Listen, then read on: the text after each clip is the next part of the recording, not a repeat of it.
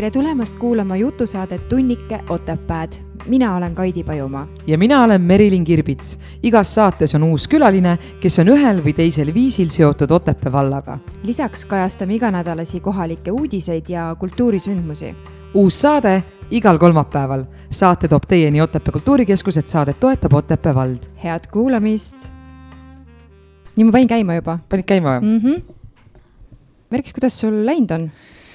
Kuule, tead, mul on sihuke infarktieelne seisund, mul on tunne et jõulud... oi, see on küll tore asi, millega alustada. jõulud on küll tore aeg ja vabakutseline mõnus, tore olla, aga mm -hmm. lihtsalt juhtub see, et lihtsalt asjad koonduvad kuidagi ühte, ühte kohta kokku ja, ja sa oled küll vaimselt nagu hästi valmistunud, et see periood saab mingil hetkel läbi, aga mm, -hmm. aga hetkel kuidagi tunnen, et ma ei jõua ennast välja puhata. et äh, aga pühad tulevad ma, minu jaoks nagu pikad ja loodan ennast mõnusalt välja puhata.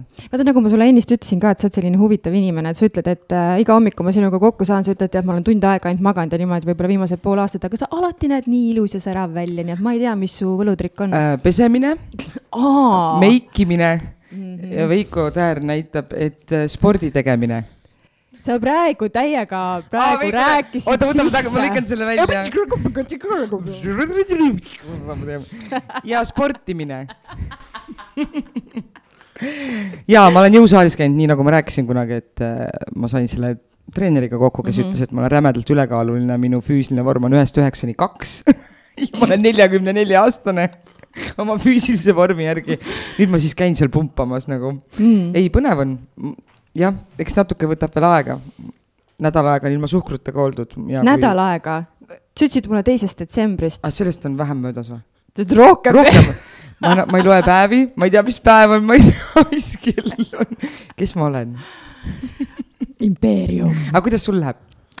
mina võin öelda, et äh, ma käisin reedel, ostsin jõulukingitused ära, nüüd mul on kohe, ma saan rahuliku südamega magada. kõik veel, teavad seda täiskasvanute ärevust. rohkem nagu kokku tõmbama. eks ole, ma tean, mul oli, mul olid, mul olid reaalselt äh, magamata ööd, sest ma kogu aeg mõtlesin, et millal ma leian selle aja ja siis ma võtsin reedel ja läksin. ma pean ikka selle aja võtma, et kõigiga tülli minna mm. -hmm. ma arvan küll, et see on kõige parem taktika, mida me oleme oktoobrikuust alates nagu soovitanud inimestele. et äh, minge kõik tülli, siis ei pea kingitusi ostma. aga mis me siin jahume, on ju? juhatan meie külalise sisse või? ole lahke. teeme nii. meie tänane külaline on enda kohta öelnud järgmiselt. Olen südamega vaatav vabakutseline näitleja, kelle huvialad on väga laialdased ja selle võib võtta kokku selliselt, et olen elus toimuva osas uudishimulik nii globaalselt kui lokaalselt. tere tulemast saatesse, Veiko Täär. tere, tere, tere, tere. aitäh kutsumast. mis viipekeelt sa tegid siin meile? elas kaasa meile ma elasin jah, väga emotsionaalselt kaasa, ilma helita. spordisõber, nagu sa oled jaa, olen jah, kõva tugitoolisportlane. Aga tegelikult alustuseks kohe tahaks äh, alustada algusest, et kuidas äh,. ma sündisin kuidas sa sündisid, kus sa sündisid ja kus Miks möödus su lapsepõlv ja ühesõnaga sinu seos ka Otepääga? päris niimoodi, ma mõtlesin, et ikka mitu inimpõlve tagasi seda ma päris täpselt. kana või muna või jah, midagi sellist ma ähm, seda ei tea, kes ma eelmises elus olin. nagu huvitab või? ma ei ole seda välja uurinud. mind otseselt see ka ei huvita. aga sa usud sellesse? sellisesse jätkumisse. just mm. -hmm. mingil vaimsel tasandil ma vist isegi pigem usun, jah. ma ei ole seda enda jaoks äh, nii selgeks mõelnud analüüsinud enda jaoks. no vot, meil on tunnik aega. kas sina rääkisid sellest, et äh, lastest, et laps rääkis, et ta nägi midagi ja on see sinuga läbitud teema või? kus tegelikult lapsed äh, mäletavad äh, oma eelmist elu ja kui nad väiksed on, siis nad räägivad veidraid asju, aga mm, -hmm. aga mhm. tegelikult nad räägivad mingisuguseid äh, pilte eelmisest elust, mida nad nagu näevad.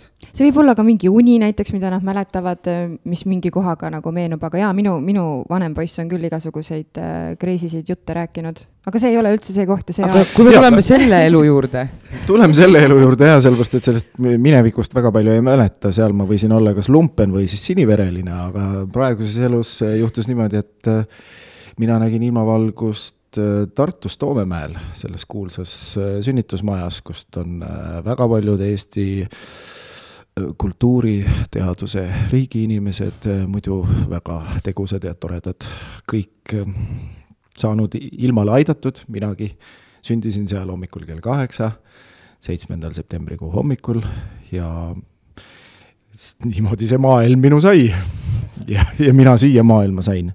nii et ma olen selline põline Tartu poiss olnud, ma olen Tartus äh, sündinud, kasvanud äh,, põlvi lõhkunud äh,, nina veriseks kukkunud koolis käinud algkoolis, põhikoolis, keskkoolis, ülikoolis ja niimoodi ongi olnud Tartu linn kogu aeg. Minu jaoks üks väga tähtsal kohal asetsev linn ja nüüd tekib küsimus, aga miks Otepää? just, just aga sellepärast, et minu esivanemad jällegi on äh, siit Otepäält pärit. Otepää kandist ja ühte juurpidi siis ka Pärnu kandist. nii et äh, rohkem sai lapsepõlves, kuna Tartule on Otepää on lähemal, siis sai siin aega veedetud kõikidel nädalavahetustel, vaheaegadel ja siis seal Mäe tänaval oligi põhi, põhiveet-, veetmise aeg. mis aastast sa hakkasid seal aega veetma? ma arvan, et äh, mind vast viidi juba päris pisikesena sinna, nii et ma, see võis olla aastal seitsmekümnendatel juba Hmm. Mm. -hmm. see aeg, mida te üsna hägusalt mäletate võib-olla. jah, võib-olla jah, võib-olla me sündisime natuke hiljem, aga ei, ma lihtsalt, ma lihtsalt ise ei, ei mäleta, et millal ma nagu teadvustasin, et Veiko Täär on Otepää. ma arvan, et sa teadvustasid ja... võib-olla seda, kui ma tulin teid sinna juhendama või jah, jah, jah. kui ma teie seda väikest Nustaku etendust juhendasid, jah. etendust. aitasid nii-öelda. jah, ja siis selle. sest ma ei mäleta jah, et, et kuidagi, et kuna me elame. karupoeg Puhhiga oli ka mingi. mind ei olnud seal, ma vist olin teatrikoolis siis juba. aa, võib-olla mm. -hmm. aga lihtsalt, lihtsalt see, et sa elad nagu ülejärgmises tänavas mm. -hmm. Ma ja ma nagu ei, ma ei tea, ei, ei näinud sind nii palju. aga ju ma siis ei olnud. viidi nii... salaja või ma ei olnud siis nii, nii tuntud võib-olla pisikesest peast mind nii hästi ei tuntudki. ei no aga oma Üle tänava kutte võiks ikka teada ju. no võiks jaa, aga tollest ajast, kui ma ise ka meenutan poisina, poisikesena, seal naabruskonnas, naabermajades kuskil väga lapsi ei olnud ja no siis ei mm -hmm. tekkinudki mingit sellist sidet. kampa, et linna peal ringi käia ja. vot niimoodi ei olnud jah, me oma vennaga koos äh, toimetasime, askeldasime ja see oli meile piisav seltskond mm, -hmm. et kui me oleks võib-olla. Nojah, kui ma oleks äh, siin ka koolis käinud, siis oleks asjad hoopis teistmoodi. Teil on aga... nagu mõni aasta vahe ka, et võib-olla on ka selles asi, et kui sina hakkasid teadvustama, Merilin, et on olemas ka no, poisid ja. kaks-kolm aastat kestsin. mis teadvustama, kui ma sündisin, mul oli kaks vanemat venda, ma tean väga hästi, mida tähendavad poisid väga väiksest peale yeah.. ma olen võidelnud enda eest väga õige ja näed, kuhu sa oled välja jõudnud, sa oled välja võidelnud ennast. aga Veiko, kas sa oled alati äh, mõelnud, et sa tahad näitlejaks saada? ei, no kus see, ei. loomulikult ähm, lapsena sa ikka toimetad äh, erineval moel. ega minul ei tulnud küll sellist asja mõttessegi, pigem oli see, et kuna mul vend, no võib-olla alustuseks võib-olla isegi kaugemale, et äh, vanaisa oli mul selline multitalent ja pillimees, ta mängis erinevaid pille ja tegi ise lugusid ja oli siin Otepää Aiandus-Mesindusseltsi kapelli liige ja eest, isegi teataval määral vist eestvedaja. issand, ma ei teadnudki. siis äh, võib-olla see on kuidagi sellega seotud ja mul ema natukene mängis akordionit mm -hmm. mingil moel. et ma lapsepõlvest midagi hägusalt kuskilt äh, mäletan ja tavaliselt sellisel puhul see mõjutus jõuab siis ka, võib jõuda lasteni mm. -hmm. võib olla kas selline totaalne vastasseis mm -hmm. või siis vastupidi, tekib selline huvi, et noh, võib-olla vaataks ise ka, mis imelik pill see on, kus on lõõts vahel ja siis on, seal on klahvid ja siis on nupud ja. ja täpselt niimoodi juhtus minu ja vennaga, kuna vend oli vanem, siis tema esimesena või suutis selle pilli kätte võtta ja sealt mingisuguseid helisid tekitada. Ja ega siis ma ju tahtsin samamoodi, ma proovisin ju suure venna järgi kogu aeg oma rada sättida ja siis ma mäletan seda, kui ma olin ikka päris pisikene, võib-olla ma käisin esimeses klassis, sest ma mäletan seda, et ma elasin ma käisin äh, Tartu äh, kümnendas keskkoolis, mis oli siis, mis on praegune siis Reiniku kool mm., asub seal Väikese Vanemuise vastas mm. -hmm. ja ma elasin seal lähedal, Kasteni tänaval. ja minu äh, esimese klassi, vähemalt esimene poolaasta, võib-olla isegi terve aasta, seda ma täpselt ei mäleta, algasid koolitunnid lõunast mm ehk siis lõunasel ajal, hommik oli vaba no., hommikul lihtsalt nii palju lapsi oli tol ajal. nii võikski olla, jaa, kahes vahetuses. jaa, kahes vahetuses jah ja. siis see tähendas seda, et äh, hommikupoolse aja tuli kodus veeta. ja siis ma mäletan seda, et äh, meil oli vist äsja saabunud televiisor koju ja sealt televiisorist hommikusel ajal siis ei näidatud nii palju erinevaid saateid nagu praegu siis oli seal kõigest äh, kaks või kolm kanalit, oli Eesti Televisiooni kanal, siis oli Kesktelevisiooni kanal ja Kesktelevisioon kaks kanal. ja sealt rääkivad pead edastasid venekeelseid uudiseid enamasti, aga ühel korral millegipärast keegi mängis seal akordionit.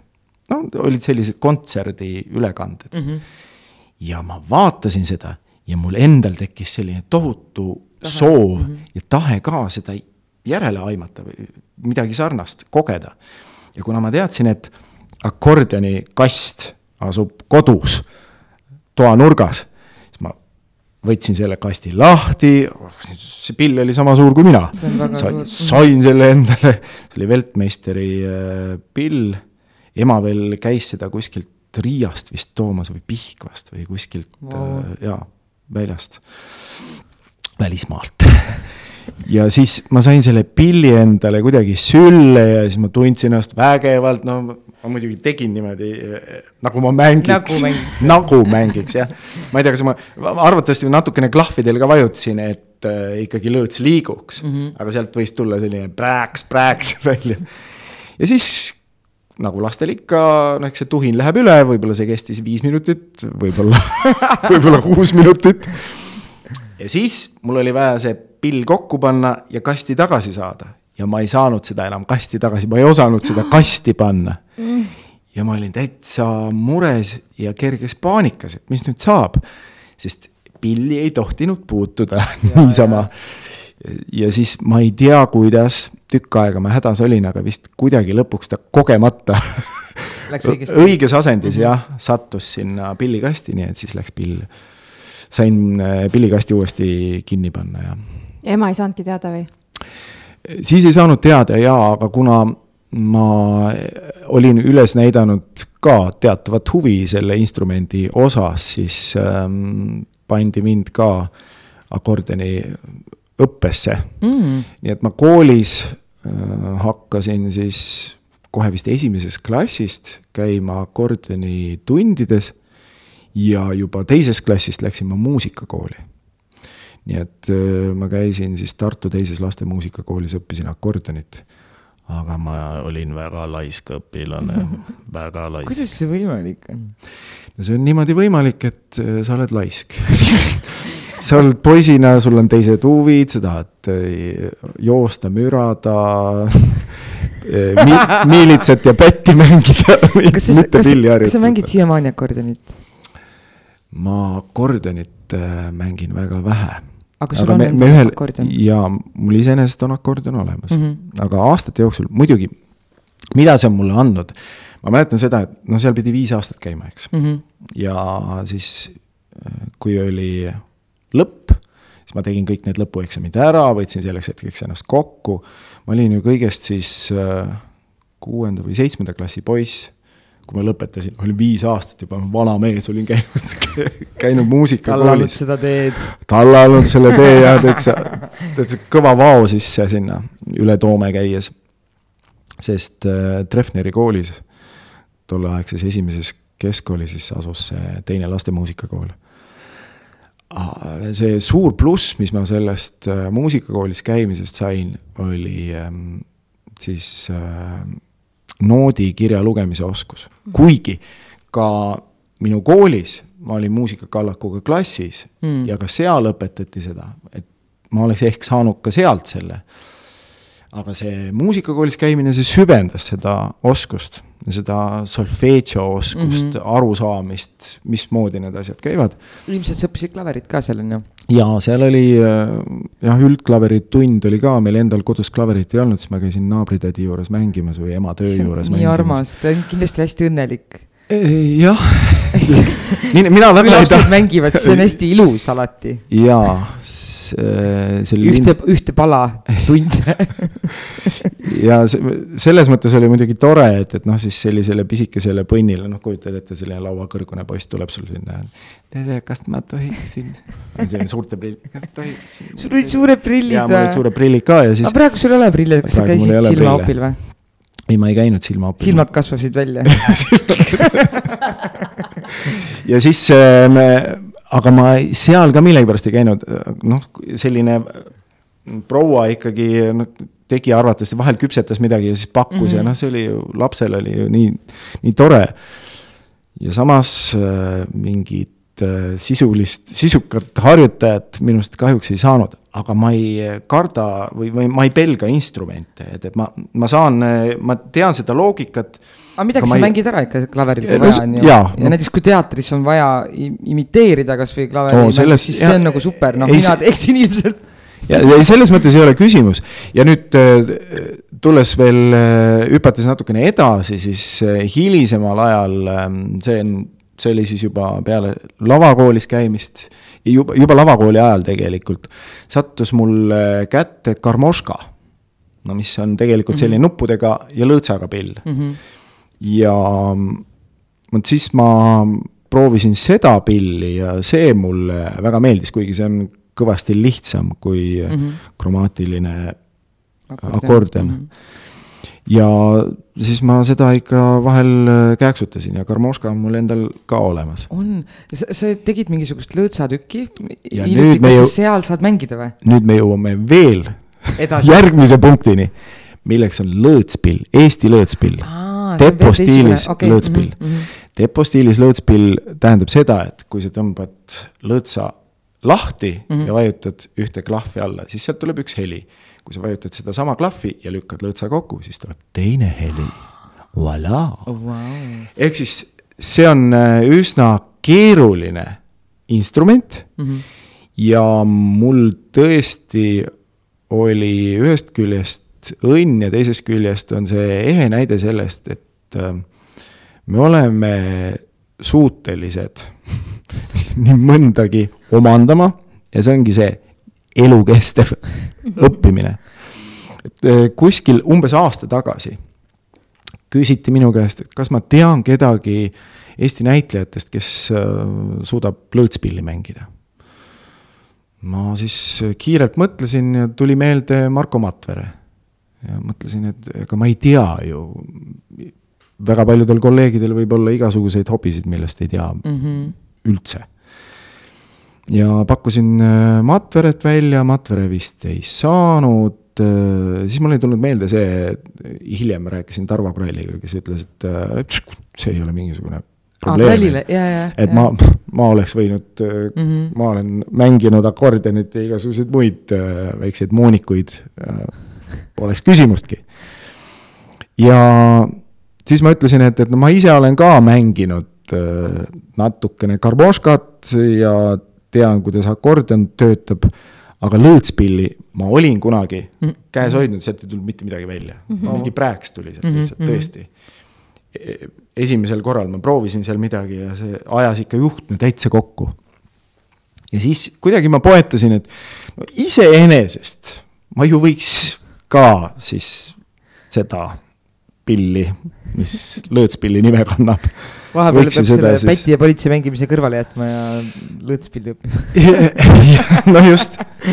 ja niimoodi juhtuski, et ma andsin nõusoleku ja sellega sidusin ennast lubadusega, et ma peaks seda instrumenti õppima. Ja ma sain äh, ühe pilli umbes aasta tagasi, see oli selline suur raske lõõtspill A-tuuri pild mängis, no väga kohmakas oli, aga ma sain esimesed lood sealt, vähemalt selle tunde, selle koordinatsiooni sain kätte, mis tähendab mängida hiir hüppas, kass kargas mm. -hmm. issand, kui tore oleks kodus kuulata, kuidas kaua sa harjutasid seda, enne kui lavale said? Just, ja siis oligi see, et, et ma aasta lõpus äh, korra proovisin seda, aga siis ta jäi kuidagi unarusse, seepärast et see ei olnud see õige pill ja praegusel hetkel muidugi on väga lihtne, sa võtad äh, kõikehõlmava selle võrgu, mhm. maailmavõrgu võtad lahti ja sealt paned lõõtspilli muusika, seal on erinevaid ähm, õppevideosid mm, -hmm. erinevaid äh, selliseid äh, võimalusi vaadata, kuidas keegi mängib ja selle järgi siis õppida, kuna tegemist on instrumendiga, mida õpitakse kuulmise järgi mm.. mina olin seal muusikakoolis õppinud äh, kõike ju ikkagi noodist mm -hmm. mängima ja Süsteemi lugema. jah, ja mul oli tükk aega täitsa probleem, ma ei osanudki. lapsena minus seda ei arendatud, et äh, kuula ise, proovi ise mm -hmm. mõnisugu-, viis siis välja võluda sealt mm -hmm. pillist, mida oleks võinud teha aga nüüd hiljem noh, elus siis saab ju kõik siis järele teha mm. -hmm. ja see pill on tõesti selline, mida saab kuulmise järgi õppida, ehk siis see viis peab sul peas olema mm -hmm. endal, kumisema mm. -hmm. ja siis sa hakkad otsima seda sealt. ja, ja no kogu selle loogikaga sina peale saamine, see on üsna keeruline, ehk siis alustuseks mul oli vales äh, helistikus pill ja kui sa kuulad teises helistikus ettemängimist, siis on sul väga keeruline mm. -hmm. sa võid seda viisi küll teada, aga sa proovid äh, seda seal pilli peal otsida, siis läheb segamini mm. -hmm. ja mingisugusel hetkel ma jätsin selle pilli siis äh, sinnapaika ja ootasin uut pilli ja selle uue pilli ma sain aprillis. ja etendused olid suvel või? ja etendused algasid juuni, kümnendal juunil või üheksandal mhm. juunil uh.. ehk siis niimoodi, sellisel äh, süsteemsemal moel ja õige pilliga harjutasin ma kuskil poolteist kuud. ja siis pidin kas enne neid etendusi oli kuidagi nagu teistsugune närv ka, et see on nagu Ikka. mingisugune lisaülesanne oh,, vaata, sa oh, lihtsalt ei tee oma tööd, vaid et see on nagu.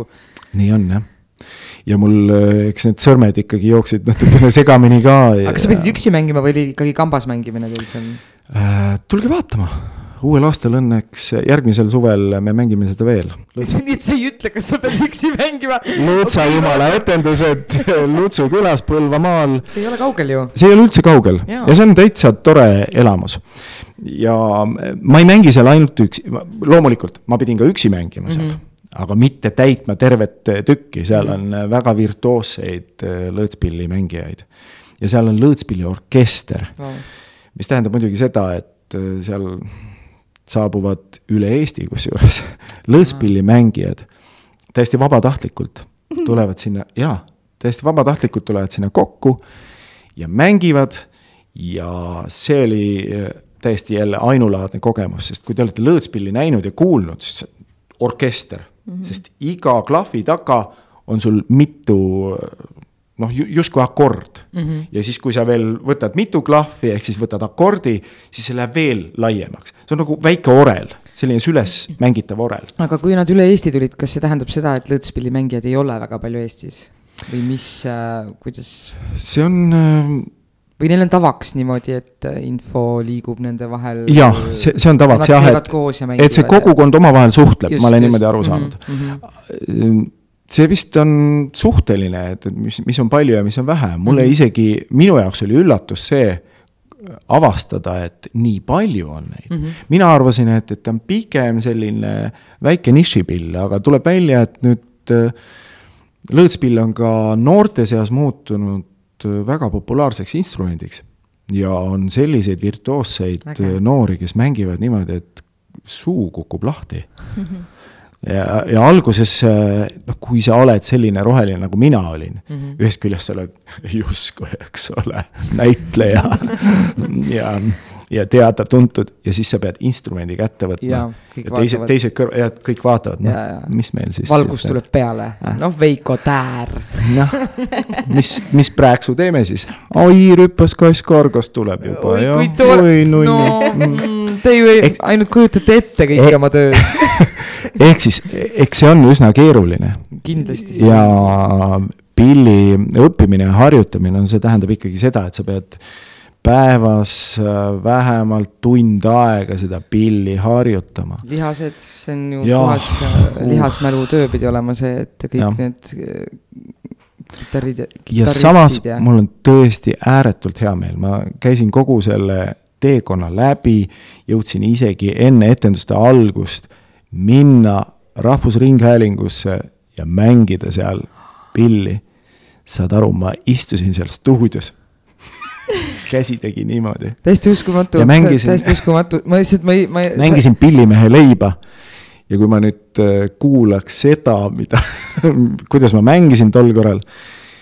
no siis tänaseks päevaks ma suudan seda pisut äh, vabamalt mängida mm, -hmm. et see on küll muutunud, see, kui sa tahad äh, noh, mingisuguse instrumendi või tahad mingisugust oskust arendada, siis ikkagi selleks kulub mingisugune aeg mm. -hmm. näiteks see Lõõtsajumala tükk, mida me seal Lutsu teatris mängime, järgmisel aastal ka ja sel aastal mängisime ülimenukalt.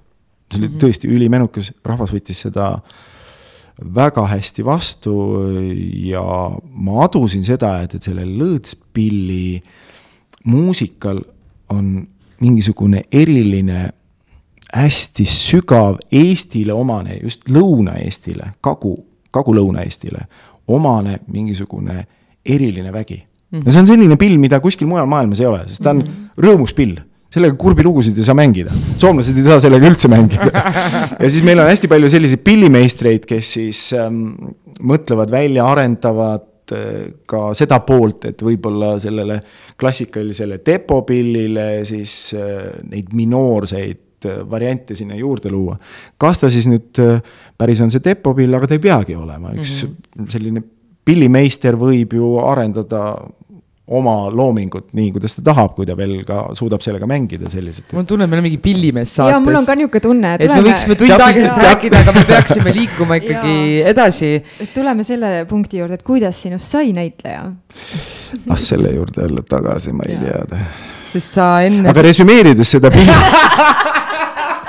ma räägin nagu poliitikast. ei, see on nii põnev tegelikult, et sa oled äh, leidnud nagu äh, praegusel hetkel lihtsalt elus mingisuguse asja, millest sa vaimustud ja, ja sa tunned, et, äh, et, et, et sa saad sellega hakkama, et sa arened selles, et see on võimalik, see tähendab, et see on kõik, mida inimesed tahavad, see on võimalik. see on vägev tunne jah et sa, ma küll ei pea ennast äh, veel äh, oskuslikuks ja seesama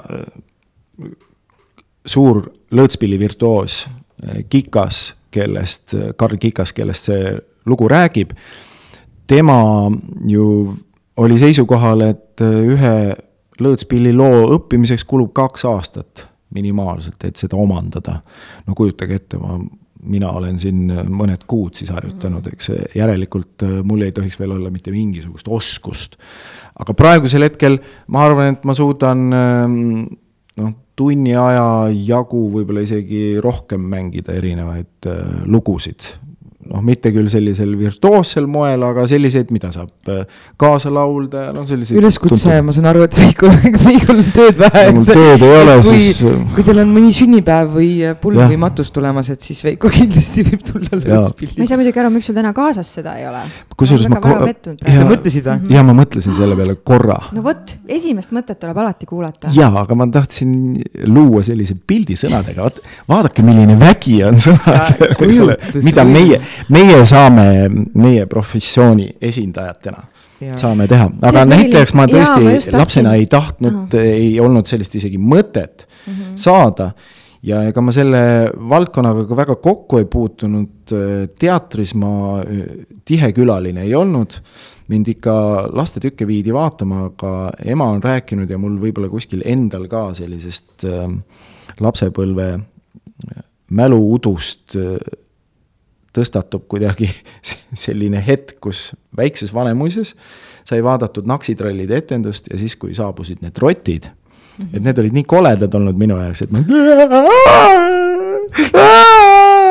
ja mind pidi ära viima sealt. et sellega lõppes minu selle tüki vaatamine ja väga tihti ma ei mäleta, et ma oleks käinud teatris, eks vahel ikkagi käisin, aga ma ei olnud selline tohutu fänn. minu põlvkond muidugi kasvas äh, lastesaadete ja kõige sellega koos, mis ka ühest küljest on ju võib-olla mingil moel kattuv äh, teatriga või selle, selle valdkonnaga aga. aga kõik jah, mingid äh, stuudiod Tartus tegelikult oli ju nii palju võimalusi või. mul ei olnud, mul ei olnud seda huvi jah mm. -hmm. no kuidas mul... millal see sinu teadvusesse siis jõudis, et nüüd võiks minna katsetele? enne kui sa lavakasse läksid, sa õppisid ju hoopis. Tartu Ülikoolis. just, ja mis sa õppisid? no mis te arvate, mis ma õppisin? füüsika oli vist. jaa, füüsika mm -hmm. oli jah. sest sa tahad teada, kuidas Võt, nagu. nii hea, sa õppisid füüsikat, mul seitsmeaastane poeg eile küsis, et emme, et ütle ühe. tähendab, lähme nüüd edasi, mul on, ma tahtsin veel rääkida sellest lõõtspilli mängimisest. Äh, see, see on tõesti imeline pill ja ega sealgi on just tegemist füüsikaliste tulemistega, tulemustega, tänu millele õhk hakkab liikuma just, just, ja see läheb siis nendest. kõik värk ja, ja, ja. tähendab mis sa tahtsid, Kaidi, mis su laps küsis? saan ütelda nüüd talle, ta küsis mu käest, emme ütle, mis on füüsika ühe lausega. loodusteadus. ongi ainult loodusteadus või? Võib isegi öelda, et, et sa ei pea teadus isegi, sa võid, kuigi füüsika on teaduse mm -hmm. nimetus, aga sa või, võiks seda nimetada ka näiteks looduseks. see on. mis toimub looduses. seda ma ütlesingi, ta küsis, mis mõttes, ma ütlesin, no et no näiteks kuidas vikerkaar sünnib ja kuidas, miks vihma sajab ja kuidas ja. lumi tekib, et sellised Täpselt. nähtused, et see on füüsika. see rahuldas teda, nüüd ma saan öelda, et Eesti A-klassi näitleja Veiko Täär ütles, et mm -hmm. füüsika on. A, B, C, D klassi oota, kas aga kas sa, sa ei lõpetanud ära, eks? ei, ma ei lõpetanud jah, ma ehk oleks võinud, aga samas jällegi see võib-olla näitab minu aju kapatsiteedi kohta midagi, et ma ei, ma ei teinud aga, seda. aga miks sa ei teinud, sul oleks võinud ju mingi päris ameti õppida ikkagi no nii alati öeldakse, et läksid näitlejaks. ei, ei, ei päriselt, inimestel on ju. midagi muud ei oska, läksid näitlejaks. ei, mitte seda, et ei oska, aga noh, ai mine ikka õpi mingi päris asi nagu, et, et mm. kuidagi osadel või mingil ajal või osadel on see suhtumine ikkagi. see, on see anekdoot, et ähm,, et torumees, vanem torumees ja siis noorem torumees on seal kõige hullemas kloaagis päriselt? jaa, jaa, kõri kõrini sees. loodusteadus. ja, ja siis äh, see noorem torumees äh, on pisut õnnetu, et väga ebameeldiv on siin, siis vanem ütleb, noh, arstiks õppida ei tahtnud, siis tee tööd edasi.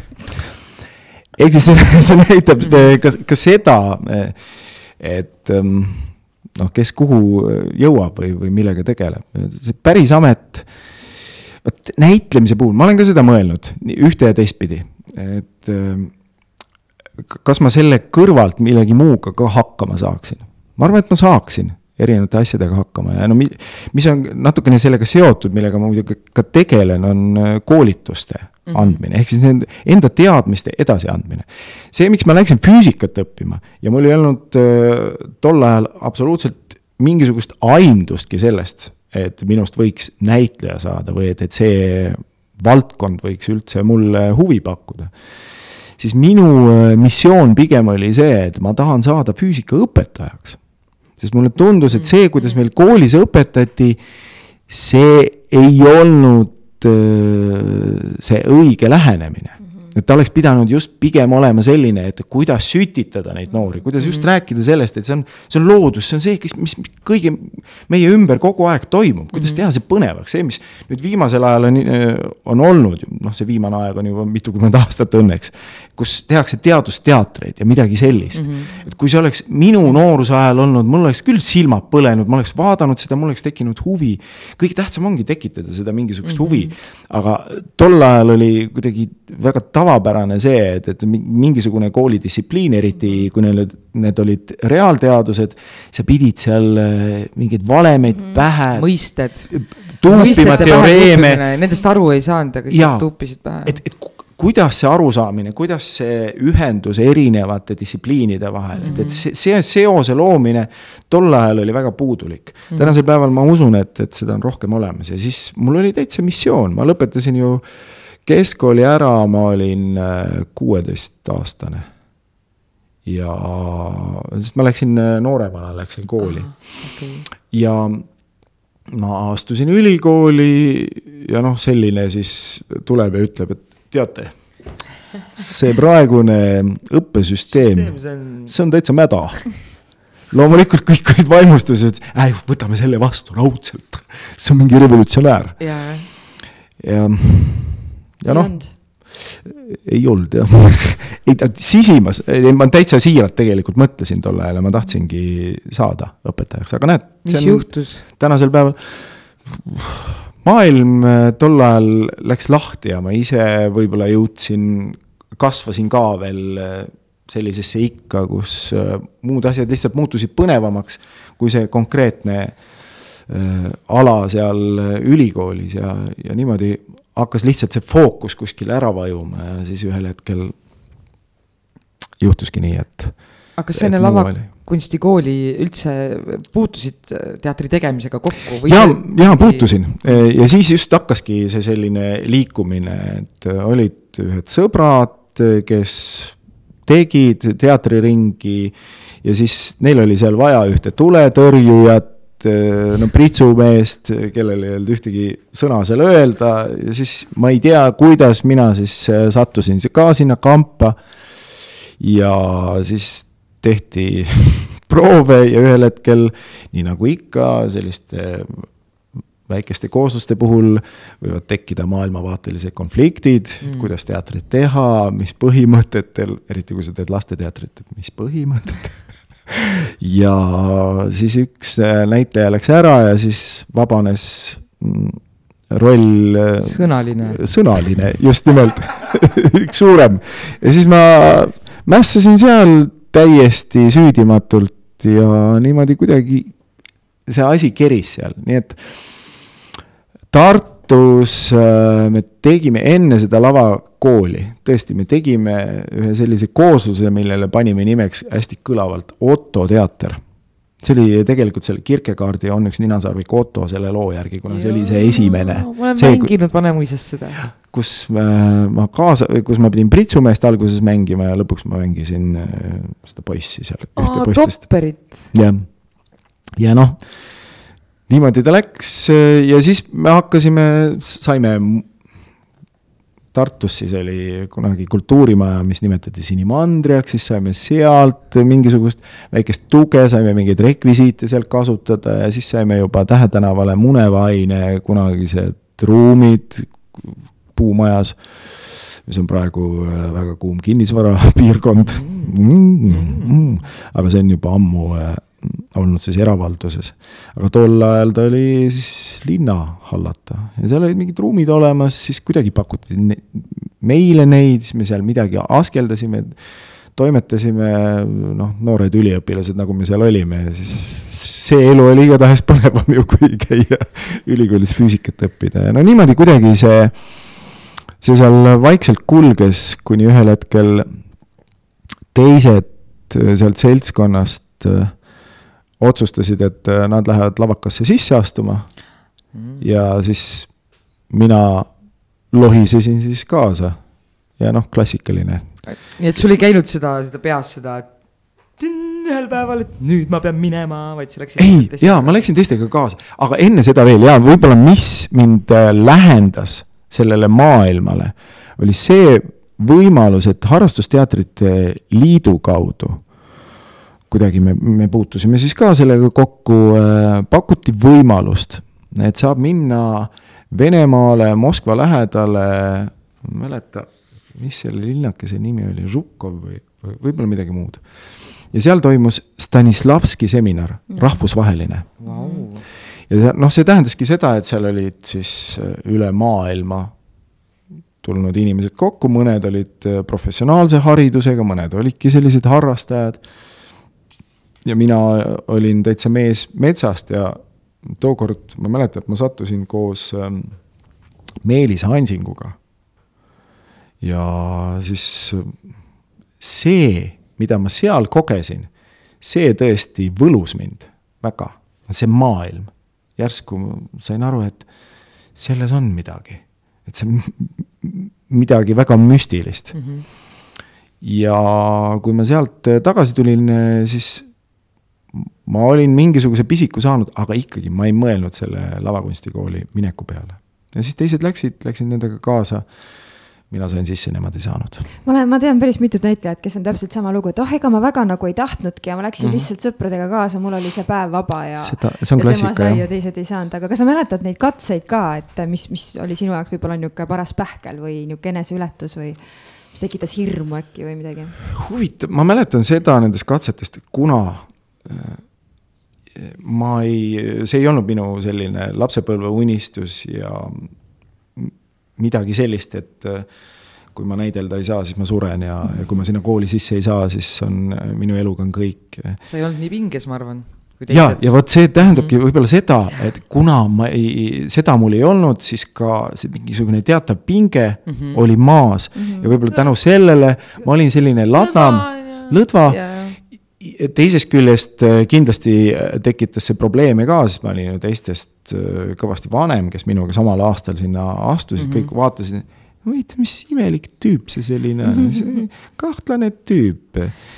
ei tea, ega seal vist äh, otsustajate ringkonnas oligi täitsa vist fifty-fifty või fifty-sixty, et kas sellist tüüpi üldse võtta vastu või mitte, võib-olla on selline äh, lõdva vend tuleb siia, saab siia sisse, siis jalutab jälle minema mm, -hmm. sest ma mäletan, et seal küsiti, et yeah. kui teil oleks, ma rääkisin sellest, et ma olen palju reisinud, noh, tol ajal see oli midagi sellist uut, et sa saad kuskile väljapoole minna üldse mm. -hmm. ma käisin ja olin selline pöidlaküüdi hääletaja mm -hmm. ja, ja noh, kogesin niimoodi maailma ja siis küsiti mu käest, et kui sul oleks, ma et koma vist, kui sa läheksid kuskile saaksid võimaluse, kas sa läheksid? ma ütlesin, mina ütlesin täitsa siiralt, jah, muidugi. ehk siis see tekitas, eh, ma sain aru mingit sellist tunnet, et võib-olla see, sellel inimesel ei ole piisavalt sellist distsipliini tunnetust ja arusaamist, et mis see, mis see kool on, et, et see kool tahab väga suurt panustamist. jah, see tahe, nende jaoks tuleb see tahe, sest nad küsivad tegelikult seda peaaegu iga kord, kui nad näevad, et on olemas see kahtlus või kui on kellegi vahel valida mm, -hmm. et kui väga sa tahad nagu. ja seal ei tohi olla mitte ühtegi sellist nagu noh, mingit sihukest kahtluse momenti. aga et, näed, ohtis Veiko sai. aga näed, midagi seal siis oli. ju siis äh, see, mis see kõige täht-, kõige rohkem loeb see, mida sa ikkagi teed seal, et ju see ikkagi nagu mõjus nii palju, et nad ikkagi valisid, et äh, aga tegelikult nad küsivad seda, et kui on ikka sihuke, kes kehitab õlgu, siis tegelikult sinna kooli. Nad kardavadki, et sa lähed sealt ära, nagu see on ja. kellegi teise koha raiskamine. et aga seal õige. on iga koht nagu nii väärtuslik, et seal käib sihuke rebimine, et seal ei ole küsimust, et kas ma võib-olla tahan, ei ole seda küsimust. see on Eesti üks kõige kallimaid kõrgharidusi üldse inimese, ütleme siis äh, selle hariduse saaja kohta et see, vaata, kui vähe seal on neid mm -hmm. öö, hariduse saajaid. täpselt samamoodi on siis Viljandi koolis. ja Sest uute nii... vastuvõtmine ja. oleneb eelmiste lõpetajate arvust ka minu arust, et sa, et sa, sa pead alati see protsent, kes lõpetab, peab olema nagu äh, suur et saaks mm -hmm. võtta sama palju umbes vastu, ma mäletan mingit sellist juttu ka meie kooli ajast. no igatahes see on väga kallis õpe, sest äh, sellele väikesele hulgale Äh, õpetatakse ja neil on väga palju õppejõude mm -hmm. ja mhm. seda, see neli aastat seal, see on, see on tohutu. ja noh, ega need noored ei peagi seda vastutust aduma, aga noh, tänaseks päevaks on need asjad veel ju keerulisemad, sest mingisuguseid garantiisid enam ei ole, sa saad selle kõrghariduse mm, -hmm. sa omandad selle tõesti väga keerulise noh, võib-olla oskuse, ma ei tea, kas seda saab ametiks nimetada otseselt, see on pigem see on pigem midagi äh, võib-olla enamat. amet kusjuures ka, aga, aga võib-olla midagi enamat. siis ähm, selles praeguses maailmas, noh, nagu sa rääkisid sul on nii, nii tohutult kuhjunud mingeid asju. mina olen ka vabakutseliste esindaja mul praegusel hetkel unega ei ole küll probleemi, mul on und kui palju. ja, ja potentsiaali on palju, et pigem võib-olla ma praegusel hetkel ise tunnetan seda, et ähm, minus on potentsiaali rohkem, kui ma seda isegi võib-olla saaksin äh, väljund. just, ma arvan, sa ei teeks kuskil... neid asju, mida mina teen, et seal on see vahe selles mõttes, et nagu. päris nii arvad? ma arvan küll jah, ma, mul on hea meel, et sa läksid äh, teatrikooli, et Eesti teater kaotaks väga palju, kui sa ei oleks näitleja. ma ütlen ausalt siin kõigi Otepää valla kuue tuhande inimese no. eest oh, seda tasust tulla. Eesti parimaid näitlejaid oh, mis, seda, kusjuures see on ku, no, jällegi, see on no. midagi sellist, mille puhul on äh, väga keeruline ju äh, panna sellist mõõdistikku. et mille järgi me seda või, või kuidas ole. me seda hindame, see on ju emotsionaalne tea, minu arust ikkagi, ikkagi see, ikkagi see oskus või see tööriist, sinu keha ja hääl ja kõik mm -hmm. asjad, minu arust äh, see ikkagi näitab väga palju, et sa võid rääkida mida iganes praegu siin on ju mm. -hmm. aga see kõik, ma olen rääkinud sulle, see kogu see kehastumine ja kõik, mida sa teed, see on nagu täiesti uskumatu. sest mõnda sa jääd laval vaatama ja mõnda ei jää, ta ei pruugi seal mitte midagi nagu halvasti Kaidi teha. rääkida oma neljateistaastasest, neljateistaastase tüdruku mälestusest. jaa, ma olin, ma olin nii meeletult äh, armunud sinusse, Veiko, siis Oi, kui ma olin neliteist. just, just ennem arvutasime, et äh, et ma ei mäleta ka arutasime, kui vana sa oled praegu. sa rääkisid just oma bioloogilisest vanusest aga ma ei mäleta väga ka enda lapsepõlves neid teatris käikusid, aga ma mäletan, et äh, me käisime Verevendasid vaatamas Vanemuises ja kaks tuhat üheksa vist mängisid uuesti, aga kaks tuhat üks oli see vist, äh, kui see esimest korda teil välja ilmselt tuli. Jah, kuskil seal jah. et ma olin siis kuskil kolmteist, neliteist ja ma ei mäleta mitte midagi sellest lavastusest, kui ma praegusel hetkel mõtlen aga ma mäletan sind. et see on mm. kuidagi, sa, midagi sa seal tegid niimoodi, et sa võlusid selle neljateistaastase noore tüdruku seal saalis ära et, äh, et noh, selles suhtes või, või me rääkisime ennem ka, et osad näitlejad on nagu filminäitlejad, osad on teatrinäitlejad ja mõned nagu oskavad mõlemat. ja minu arust sinu puhul on ka see, et kui vahepeal vaatad Eesti sarju või filme, siis on nagu nagu natuke piinlik on nagu, et noh, päris ei usu tegelikult, mida see näitleja teeb seal ekraanil, aga sinu puhul ei ole kordagi tekkinud seda tunnet, et ma ei usu, mida sa teed. nii et selles suhtes on Merilinil nagu õigus, et, et sa, sa oled, sa oled väga hea näitleja, et see on tore, et sa sinna oh, läksid. tüdrukud, mis ta aga tegelikult ma tahaks. seda on väga hea meel kuulda, seda on, seda on tõesti ääretult hea meel kuulda, aga sa, samas ma ikkagi arvan ka seda, et um, see, see, see mõõdistik on, mingis osas on ju ikkagi emotsionaalne, et me ei, me ei saa öelda, et, et vot, vot tema tegi täpselt see, vot seal ta hüppas nii palju või et seda mm, ta suutis seda teha, seda teha. teatris istuvad kaks äh, sõpra, sõbrannat kõrvuti, neil võib olla sarnane maailmavaade, sarmas, sarnased tõekspidamised, muidu väga sarnased maitsed. Nad vaatavad ühte tükki, ühele üks näitleja tohutult meeldib, teine ei salli teda silma otsaski ja ta ei oska öelda, miks mm. -hmm. mingi asi on aga see ongi kunst ja... on ju subjektiivne, et sinna täiesti. ei saa nagu midagi teha. aga mina küsiksin siit kohe edasi seda, et, et kuidas, kuidas sinul hakkab see karakteri loomine pihta, näiteks kui sa saad, sulle pakutakse rolli, te istute ühise laua taha, loete võib-olla esimest korda, sa loed oma osa, mida sa siis edasi teed kuni selle hetkeni, mil on esietendus? Harjutad pilli või harjutan pilli.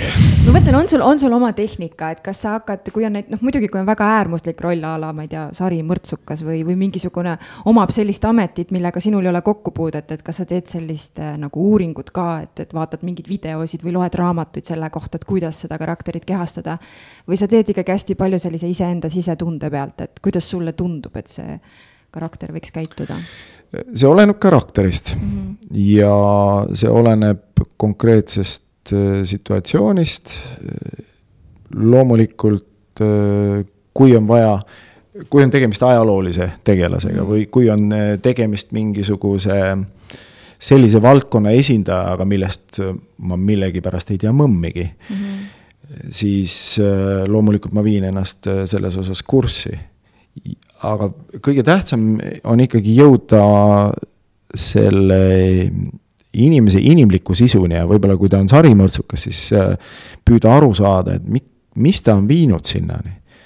ja just see, mida analüüsides laua taga tehakse, ongi see protsess, kus mõeldakse pigem seda sleppi ise mhm. välja või püütakse siis sellest konkreetsest äh, loost see välja lugeda, kus need märgid on, mis ütlevad sealt või annavad mingisuguse vihje millegi kohta mm. -hmm. sest meie jaoks kõige põnevam on vaadata seda mitte konkreetselt, et kes see rolli ähm, rolli tegelane, kes ta on, vaid see, kuidas ta suhtestub teistega mm ja kuidas ta suhtestub maailma, kui on monotükiga tegemist, siis see, kuidas ta suhtestub selle muu maailmaga. see on see huvi, mitte ainult see, et see karakter kui selline mm. -hmm. ja see, see protsess on äh, tihtipeale erinev, et, et seal ei ole ühte sellist konkreetset mustrit, aga paljuski ma püüan ka sellise intuitiivse pealt eh, midagi eh, luua. Ja minu jaoks on hästi tähtis just see eh, saalipoolne peegeldus, et kui ma pakun mingisuguseid asju välja et siis peegeldatakse mulle, et kuidas see, selline asi äh, töötab, toimib. sest teatris ainult puhtalt selle pealt, et vot ma olen teoreetiliselt mõelnud välja, milline tüüp on, kõik, ma tean täpselt, kuidas ta asetub sellesse pilti mm, -hmm. sellest puhtalt ei piisa. sest on mingisugused äh, sellised väljundid, mida näeb just sealt saali poole pealt ja mille puhul mina, kes ma seal laval olen, ma võin tunnetada ühte, aga saalist öeldakse, et sealt see, see ei tule välja, sellest ei saa aru mm. -hmm. ja see on, see on see teatrimaagia ja see rolliloome võlu ka. et noh, ma ei tea, kust need asjad, näiteks kui võtta see viimane, see Baskervillide koer seal äh, Karlova teatris mm. -hmm. siis algselt juba, kui Peep Maasik helistas ja ütles, et selline plaan on no ma tean seda lugu, ma, mäletan lapsepõlvest, ma olen näinud ju seda Baskervillide koera kaheosalist venelaste suurepärast mm, telefilmi. ja noh, seda lugu ma tean ju väga hästi. ja siis ma lugesin selle üle ja, ja küll ma mõtisklesin, et kuidas, sest Toil on kirjutanud seal nii palju sellist looduskirjeldust sellest süngest vihmasest sügisest, et milline see nõmm on, millised kõik, see kõik on nii kõhe ja tal on seda kirjeldust nii tohutus koguses. kuidas seda tuua teatrilavale? pime, teed hämaraks lihtsalt natukene see on tegelikult, kustutab mõned ära, tuled ära. võtame veel veits ja anna nagu seda tunnet kätte. et kuidas seda õhkkonda luua, filmikeeles on hoopis lihtsam. ja seal ongi, sa võtad selle mingisuguse maastiku, sa võtad mingisugused helid, sa lood seda mm -hmm. õhustikku ja siis paned näitlejad ka sinna ja, ja see, see asi hakkab toimima, kuidas teha seda teatrilaval ja eriti siis kui sul on ainult kuus näitlejat, mis sellise väikse teatri kohta on ja muidugi. väike teater ja, ja lava väike selles mõttes kõik, et seal ei anna nagu visuaalselt ka nii-öelda väga nagu mässata nii-öelda. et kuidas seda lahendada ja see oli, ühest küljest oli see selline tunne, et on see ikka võimalik ülesanne mm -hmm. ja teisest küljest päris põnev ülesanne, et, et mul ei olnud seda kartust, et äh, ebaõnnestumine, ebaõnnestumine võib alati tulla, seda mm -hmm. ei mhm. saa selles mõttes peljata või eesmärgiks seada, et ma ei taha ebaõnnestuda, see on, sisimas on meil kõigil soov õnnestuda. Mm, aga kui ebaõnnestub, siis ei saa öelda, et ma lähen nüüd peldiku taha ja lasen ennast ribadeks aga mis sulle selle, selle protsessi juures, milline osa kõige rohkem sulle meeldib? see hetk, kui te istute laua taha, sa saad selle materjali kätte, noh, eelnevalt ilmselt saad juba varem nagu lugeda, kuni, kuni etenduste mängimiseni. et on seal mingi oma kirss, mis sulle väga meeldib? no mulle Maasikas. väga, väga meeldib see esimene kohtumine selle tekstiga ja, ja tegelastega. ja siis äh, muidugi kõige magusam on see hetk kui juba tekstiraamatut enam ei ole vaja laval mm -hmm. ja sa saad äh, siis otsida seda mm, -hmm. see mängimine, see, see leidmine, see on hästi magus hetk ja ma saan Jaan Tomingast aru, kes on ikka öelnud, et mhm. kuulge, saame siis kokku, kui teil see asi on juba siin peas, et siis on nagu mõtet proovi teha. ja mul Muidu... on endal ka Tominguga sellised kogemused, et ta oli saali kõige tagumises pimedamas otsas ja lihtsalt hõikab otsi tooni, otsi tooni. Ja siis sa proovid seal nelikümmend viis minutit otsida seda tooni ja sa ei leia seda tooni nagu. No täpselt, et ta ilmselgelt ei mõelnud seal hääletooni, vaid selline sisulisem osa, aga ja. sa oled teatrit teinud nüüd, issand, palju, kakskümmend aastat? issand, palju. umbes. on sul ja. mõni roll, mille puhul sa praegusel hetkel mäletad, eh, millega sa oled kõige rohkem vaeva näinud, et no, no vot ei saa kätte, vot ei saa kätte seda, seda õiget tunnet, et nüüd astun lavale ja ma tean, et ma suudan kehastuda selleks karakteriks miks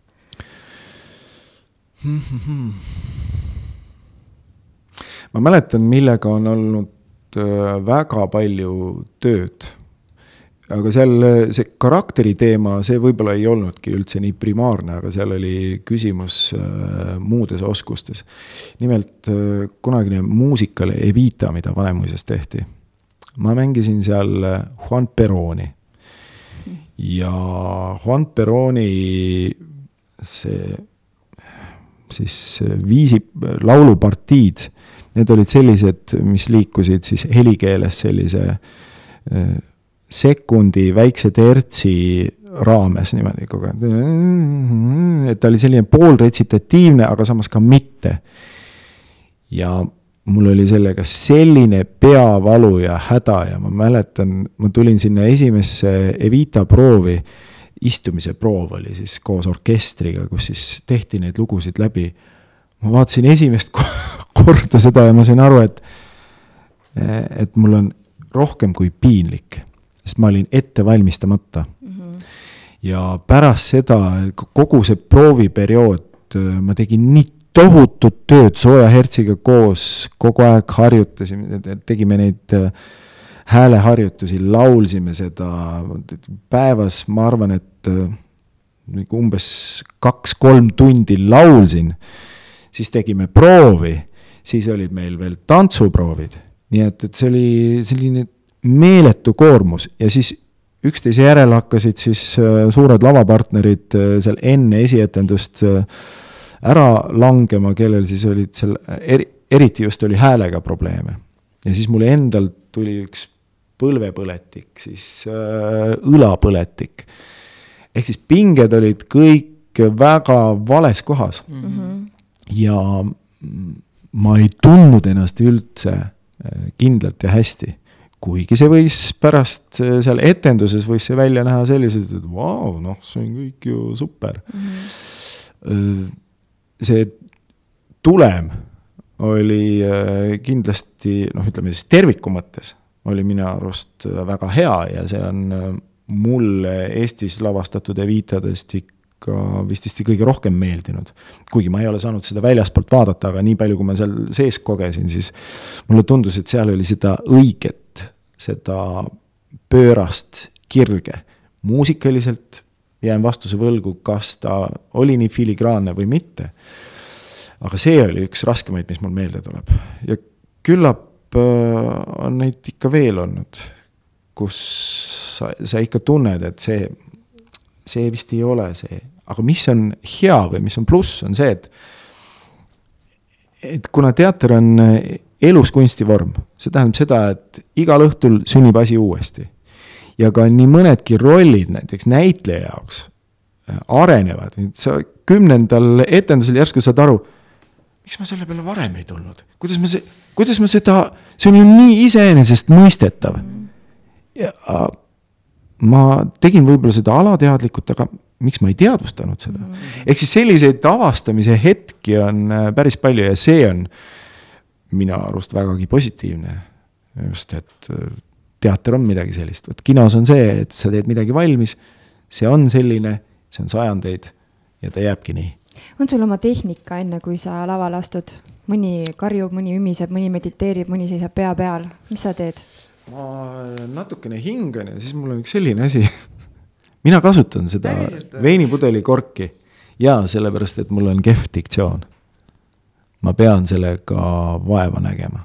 no minu see kõneaparaat vist on äh, loodud selliselt, et kui ma teda üles ei turguta või, või vormis ei hoia mm, -hmm. siis ta vajub ära mm. -hmm. ja ma ise tunnetan seda, et see, siis see mõjutab mind ka seal laval olles. nii et ma seda soojendust, mida ma muidu oma koolitustel kogu aeg äh, soovitan, mis on väga hea mm, -hmm. seda ma kasutan ise ka ikka pidevalt.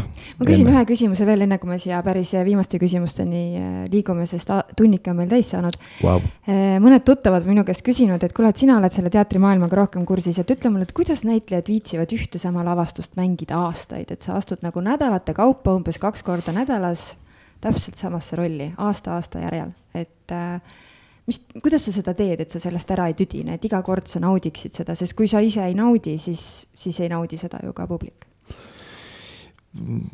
see äh, võib-olla sõltub sellest, kui äh, suur see koormus muidu on mm. -hmm. kui sa oled repertuaari teatri näitleja, kes teeb viis kuni seitse etendust nädalas, noh, siis selline väsimine on täiesti loomulik, et võib ka olla, et mingisugusel hetkel sa avastad, et no täna ei ole nii piisavalt terav või mida iganes võid ava, avastada seda, et, et kas ma nüüd olengi läbi põlenud ja mis asja, mhm. aa, ma teen selle rutiiniga või kuuled sellist noh, künismi nooti iseendas, ma ei tea, partnerites ka, et, et kuule, lähme teeme selle asja ära oh..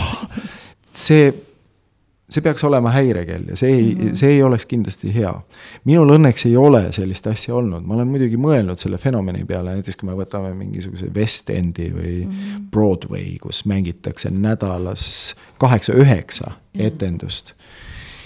ja missugune koormus see siis on ja seda tehakse ju aastate kaupa, mis ei tähenda muidugi seda, et, et noh, seal on ju neid asendajaid ka aga ikkagi see koormus. põhimõtteliselt ühte rolli mängida oma elus peaaegu terve oma selle karjääri jooksul. see on justkui Kabuki teatris jaa, või, või kuskil eh, sellises eh, Aasia kultuurivormis, kus sa õpidki ära ühe rolli ja sa oled see kuri mees selle maskiga ja sa oskad seda filigraanselt ja sa teed seda.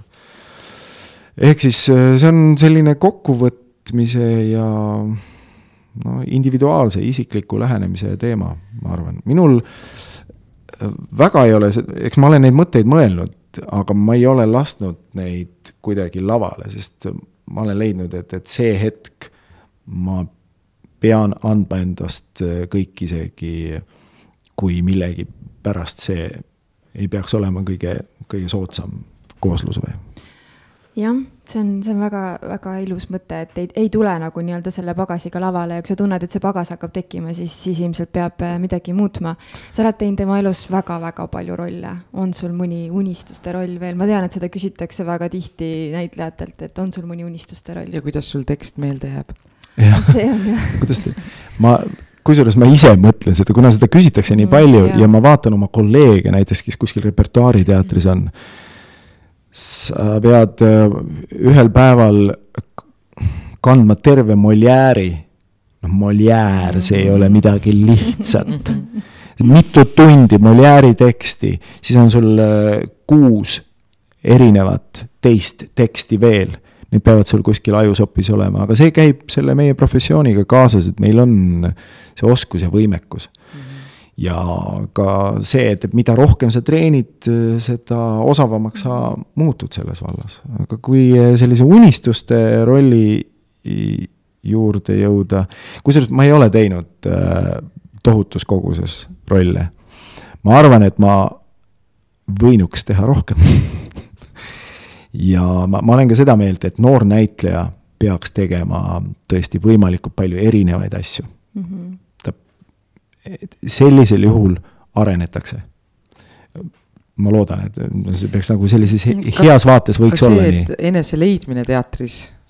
et äh, sellepärast tuleks ka katsetada hästi noorena hästi palju erinevaid asju, et sa üldse ja. saad aru, et mis sulle selle juures meeldib, millist teatrit sulle üldse meeldib teha. no just. aga see unistuste asi, ma olen siin mõnda aega mõelnud, et võib-olla see võiks olla selline, midagi sellist nagu Gösta Berlingi saagas, Gösta noh, selline sihuke metsik, ürgne, äh, loogikale mitte, mitte väga alluv äh, selline element. võib-olla. samas ma ütlen, et mulle meeldib ka käbi mängida sest et kui, kui käbi ei kuku kännust kaugele ma tahaks veel küsida, et miks sa, kas sina jäid ähm,, kuidas ma ütlen noh, mitte et sa, no sa oled natukene vanem, hästi natukene vanem, on ju, meist. ei ole et, et ma ütlen, meie olime esimene kursus tegelikult, kelle jaoks, kes jäid nii-öelda linna peale jõlkuma ehk vabakutselisteks ja mm. mitte nagu omal vabal tahtel. et aga, aga sellest aastast peale minu arust oli see üsna normaalne, et on olemas sihuke asi nagu vabakutseline näitleja. aga sina oled ju, sa ei ole ju kuskil teatris olnud äh, palgal. Ei ma, ole jah ei ole jah. kas olin... see on olnud su nagu vaba soov või see on, või, või see on kuidagi loomulikult niimoodi läinud lihtsalt või kuidas? see oli mu vaba soov jah, sest mul oli võimalus äh, pärast kooli lõpetamist äh, Draamateatri trupiga ühineda ma seal. Äh, linnateatri ise... trupiga ja Rakvere teatri ja Endla ja Ugala trupiga. ei no võib-olla võib-olla oleks olnud võimalus.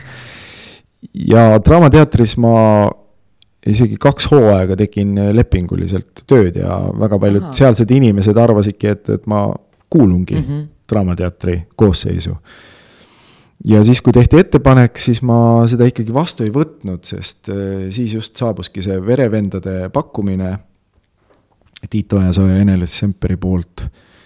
ja mm, ma mõtlesin, et ähm, ma ei tea, mul oli tol ajal selline tunne, et kui ma jään sinna Draamateatrisse, siis võib-olla mind hakatakse kasutama ikkagi äh, kuidagi liiga ühekülgselt. ma ei tea, miks mul selline tunne ja hirm oli mm. -hmm. ja ma lootsin, et äh, vot vabakutselisena mul on võimalus äh, laiemas ampluaas ennast proovile panna.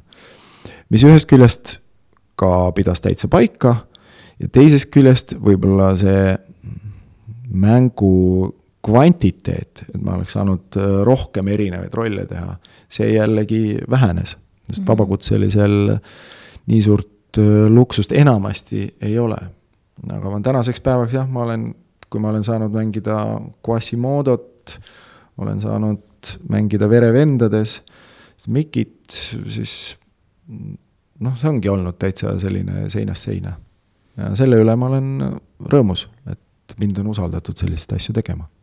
mina olen ise mõelnud lihtsalt, et kui saaks kuskil teatris töötada ehk ühe trupiga kogu aeg koos, et ma ise arvan, et võib-olla ma oleksin arenenud võib-olla natukene teistmoodi näitlejana, sest mina olen ise hästi ärev, kui mul tekib uus projekt ja ma lähen täiesti uute inimestega, mul on tunne, et ma justkui alustan ka endaga otsast peale, kuigi iga roll on null, eks ole mm. -hmm. alustan nullist, aga see teiste inimestega nagu koos olemine, et ma nagu kardan tihtipeale teisi inimesi, et ma ei ole nii avatud, et kui ma oleks kuskil nagu äh, trupis, siis võib-olla mul oleks lihtsam nagu Äh, juba liikuda nagu edasi nii-öelda lavastusprotsessis. ja see on ideaalne, kui on selline äh, selline seltskond, kes äh, noh, jagab ühte, ühte sellist maailmapilti ja, ja on valmis ühe asja nimel te tegema ja ja seal mingeid suuri konflikte ei ole, enamasti repertuaariteatris muidugi see ballett näitlejatest on ju väga lai mm. -hmm ja siis on äh, keeruline, et, et seal oleks, äh, seal on ikkagi noh, inimesed, kes rohkem teineteisega lävivad ja võib-olla aktsepteerivad teineteist. aga ideaalis äh, võikski olla ju niimoodi, et iga selline uus projekt, sa tunnetad, et oh,, nüüd see on justkui, ongi see päris uus. ja selles mõttes on selline vabakutselise ja projekti tegemise staatus jällegi hea kuigi teisalt jällegi, kui sul on mõttekaaslased, kellega koos sa oled teinud, sa tead, mida oodata. kui see mugavaks ei tee või mugavustsooni sind ei lükka, mis on ka täiesti inimlik ja loomulik mm, -hmm. siis seni on ka see variant väga hea nagu kahe otsaga asi on ju, et ühel on ühed plussid ja, ja teisel on ühed plussid ja miinused. plussid ja miinused mm. -hmm. meil ennem tuli korraks jutuks äh, see, et kui paljud Eesti näitlejad, ja me kohe lõpetame kui paljud Eesti näitlejad on äh, pälvinud erinevaid tunnustusi mm, -hmm. et kui me sind guugeldasime, siis me nägime, et üheksakümmend üks äh, olid sa küll Bonzo äh, auhinnaga või kuidas seda nimetatakse nüüd teatrikeeles, tunnustatud. Panso preemia laureaat jah, jah, aga mitte aastast üheksakümmend üks. vot, Vikis oli valeinfo. üheksakümmend üks ma ei teadnud üldse, et, et ma kuskile teatrikooligi või sellisesse kohta no, peaksin minema. oli üheksakümmend üks oli jah? ei, see aasta oli üheksakümmend seitse. ma ei tea, kes sul selle Viki, kes selle Viki teinud on Veiko Täärist, et ei, üheksakümmend kuus, jah. aga oled sa muidu veel millegagi? Ei, mind, mind ei ole tähele pandud selles osas. aga mis tundeid see sinus tekitab, sest ma olen mitmeid äh, saateid tegelikult vaadanud. no nördimus, nördimus ab, absoluutselt, täielik. ei, aga ausalt, kas sa tunned, et see mõjutab kas see, kas see on oluline sinu jaoks? ei noh, ma ei tahaks sellest rääkida, kui palju ma siin seda ilmselgelt... seda arusaamatust on ikka väga palju, et, et no miks, miks eelistatakse teisi. kas sa oskad ennast väärtustada ise? Eks me kõik õpime seda sellel keerulisel teel, et kuidas iseennast äh, turgutada jah, ja motiveerida mingeid asju tegema. selline väline mm, motivatsioon, äh, ta on ikka vajalik, kõik me jaa. ikkagi mm. -hmm ja selle koha pealt äh, ma olen ääretult tänulik nende esimeste sõnade üle, mis te ütlesite mulle täna siin, et see noh, lihtsalt pani mu kõrvad lehvima. me tõesti mingit sellist äh, tunnustust ikka vajame ja aga kui me ei saa, noh, kõige hullem on see, et kui sa justkui ootad mm -hmm. seda, et noh, selle eest nüüd võiks midagi, keegi võiks ju tähele panna. kriitikud arvasid, et see ei kõlba kuhugi, jälle, jälle. osad ainult selle järgi ju teevadki. näitlevad ja lavastavad selle järgi ja nagu läbi selle pilgu või selle läbi mõtte, kindlasti ja. on neid. vot ei tea. jah, me jõudsime ka. igatahes ei ole saanud jah on see resümee. Pole, pole põle tähelepanu. jõudsime oma arutelus äh, ka sellesse punkti, et ega ükski nii-öelda päris näitleja ju ei õpi näitlemist või ei lähe näitlema sellepärast, et äh, või ei omanda endale seda elukutset, et saada tunnustatud või, erinevate preemiatega pälvi, pälvitud või, on pälvitud. Vaid, äh, aga tore on ju ikka kui, kui märgatakse ja tunnustatakse, aga lihtsalt nagu alguses oli, et kunst on nii subjektiivne ja kriitikud on nii subjektiivsed ja need žürii liikmed on nii subjektiivsed, et tegelikult selle järgi vist väga mõõta ei saa, et kes siis nüüd päriselt hea näitleja on. aga üks, mida me saame teha ja mida ma olen ise aastate jooksul äh, omandanud, õppinud oh,. Te saate kõik endale ise preemiaid välja anda. täpselt nii, me saame seda ise teha, aga ja, ja teisalt ka see oskus, meil millegipärast arvatakse, et meil on selles rahvuslikus genoomis vist see, et me ei oska, ühest küljest ei oska häid sõnu leida, halbu küll mm, -hmm. ohtralt, kotiga, sülega, seljaga. häid sõnu mitte nii väga ja teisalt me ei oska ka neid häid sõnu vastu võtta, siis hakkab mm, -hmm. ah, mis mina nüüd mm, -hmm. et kõik, kõik teised, ah, ah jäta nüüd, see on mingi käkk ja see see on tõsine probleem en,. Mhm. Endal samal ajal mm -hmm. sisemised kõrvad lehvivad ja oled juba pilvedes. no mina nagu..., minul on täiesti see probleem, et äh, kui sa oled nii ebakindel tegelikult ikkagi see, keegi tahab päriselt head öelda. aga kui sa ei suuda seda vastu, suuda seda vastu võtta, siis tegelikult ta ei tahagi järgmine kord öelda. aga nii. mul on nagu, mul, ma olen, kui keegi ütleb, mul on nagu ma nagu. ja see on ka. protsess käib läbi, ma ütlen aitäh sulle. aga see, tulebki kuskilt väga-väga nagu sügavalt ja mul on tunne, et see on võib-olla nagu mõneti ka meie kasvatuses kinni, et kui ma enda näiteringi õpilastega tegime, ükskord äh, küsisin, et äh, tooge enda juures välja mõni hea omadus siis mul oli kaheksa tüdrukut oli ümber ja mitte keegi ei julgenud öelda enda kohta nagu midagi head. halba oskasid kõik öelda, aga head ei osanud. ja kui me järgmine tund võtsime sellesama teema, siis üks tüdruk küsis mu käest, et Kaidi, kui ma vaatan peeglisse ja, ja ütlen või mõtlen, et ma olen ilus, kas ma olen siis isekas? siis ausalt mhm. öelda oli mul suu lahti, et kuidas me jõuame sellesse punkti, et mhm. neljateistaastane tubli mhm. tüdruk, igatepidi nagu viieline vaatab peeglisse ja ta ei julge enda kohta öelda, et ta on ilus, sest äkki see on isekas.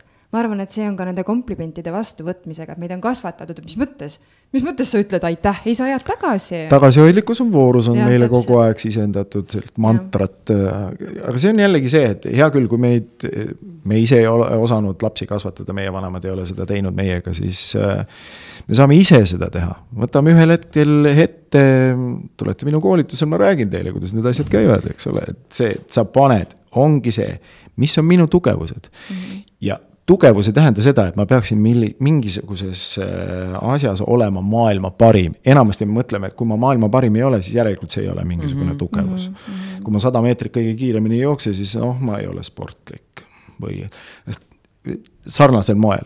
ehk siis väga väikesed asjad võivad olla need, mis on tegelikult meie tugevused mm, -hmm. millega me hakkama saame mm. -hmm. aga kui me ise neid ei tea, me neid sõnastada ei oska, no siis on see jää meie jalge all ka väga -hmm. õrnakene.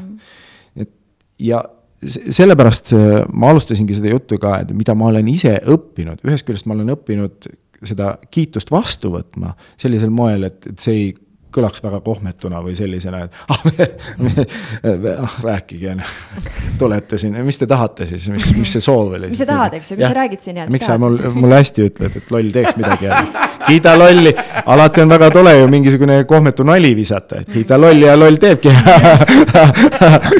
mina olen teinud seda nalja keegi ei naera mina naeran see on tore mina olen see, kes oma naljade peale. aga ka oskus äh, öelda või näiteks, kui sa tunnetad, ma olen täiesti teadlikult võtnud selle endale ülesandeks, mis on kõige lihtsam, et ma käin vaatan midagi teatris näiteks ja mulle meeldib, mida mu kolleegid tegid, siis ma lähen ütlen seda neile, mitte kuskil sisimas ei mõtle, oh, no näed, see on täna täitsa tuli ja.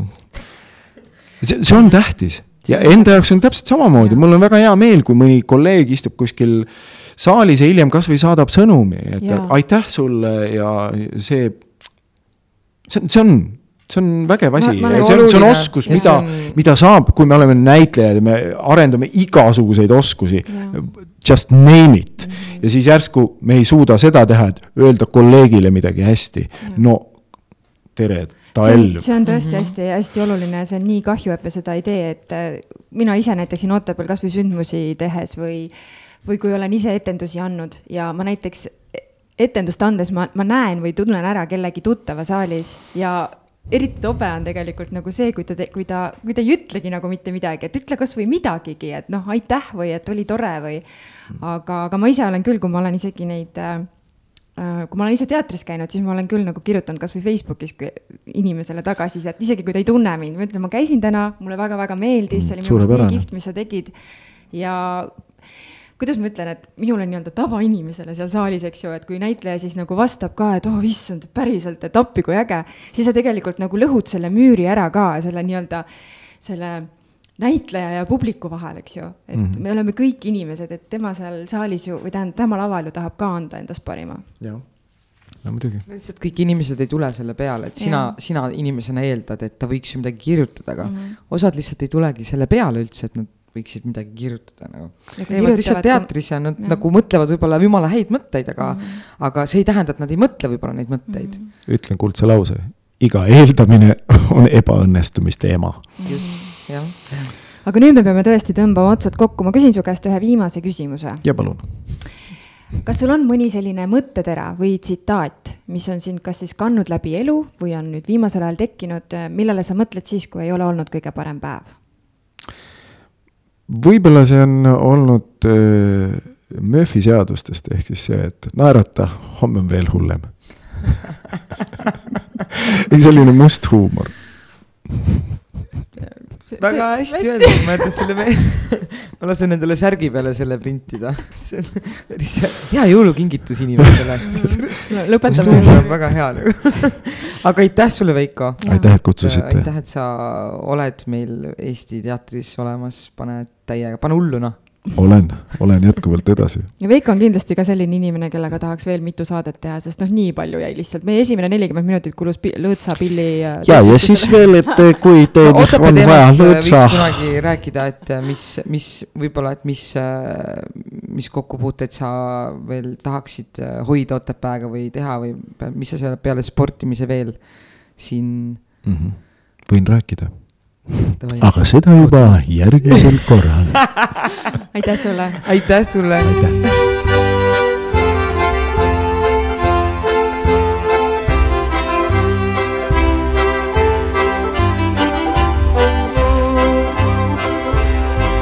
eks saatus ikka kaitse igat pillimeest.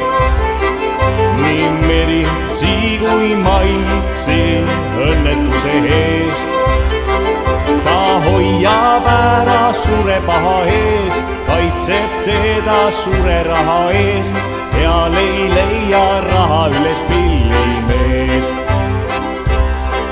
nii peied kui ka pulmad teavad pillimeest ja peitu ainult julmad poevad pilli eest kui teised söövad pillimeeste tööd, kui tantsu löövad, sina rütmi lööd. pill ei puhka päeval ega südaööl. jah, nii see saatus näib kui laul. ei hinna olla saame aul.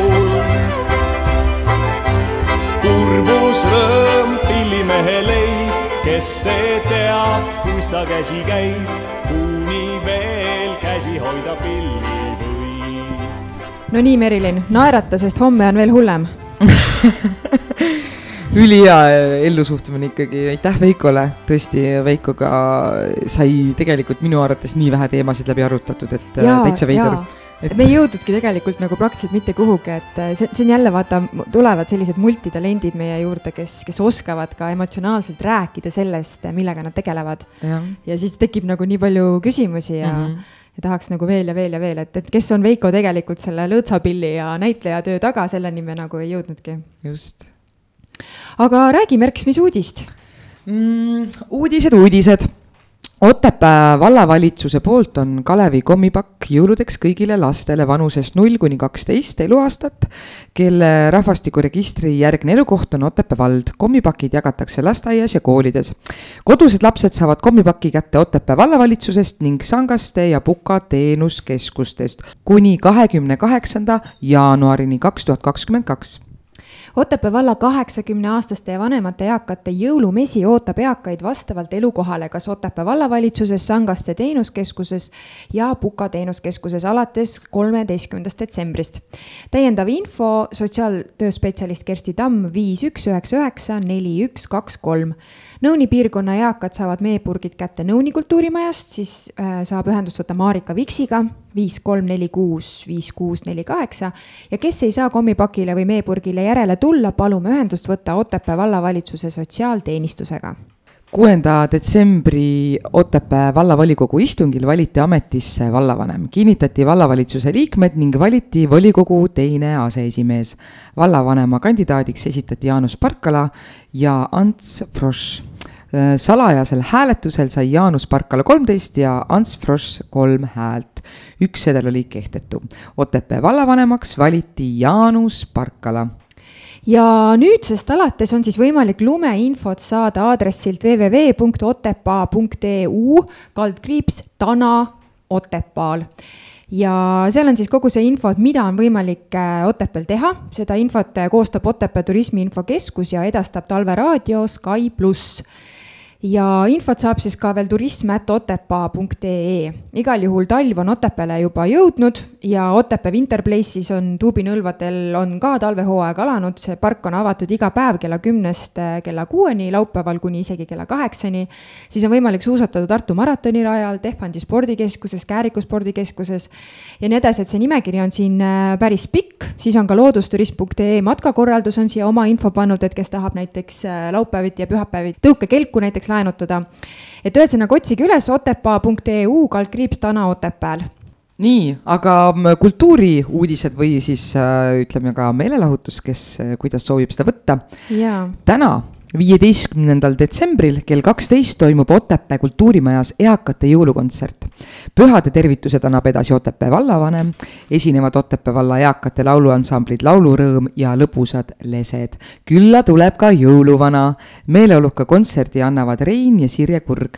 pärast kontserti palume kõiki eakaid kohvilauda. sündmuus on tasuta neljapäeval, kuueteistkümnendal detsembril kell kaheksateist kolmkümmend kuni kakskümmend üks null null toimub Puka kultuurimajas talvine mustlastantsu meistriklass peale tehnika ja koreograafia tundi toimub mõnus koosviibimine, kus saab vaadata Natalja esinemist, soovi korral ka koos temaga tantsida.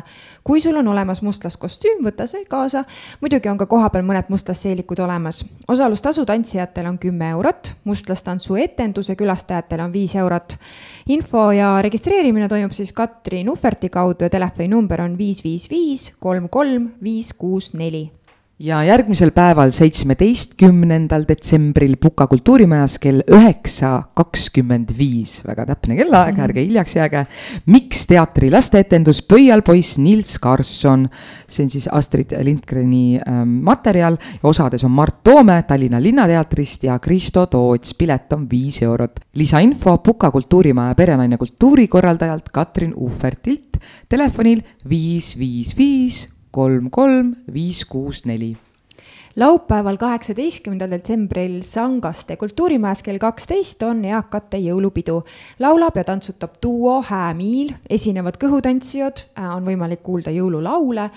Äh, kes soovib, siis lisainfo saab äh, Sangaste kultuurimaja kultuurikorraldajalt Marina Pulverilt telefonil viis kolm null null kaheksa kaks kaks kuus ja samal päeval ehk kaheksateistkümnendal detsembril Otepää kultuurimajas kell kaheksateist null null toimub Detsemberfest.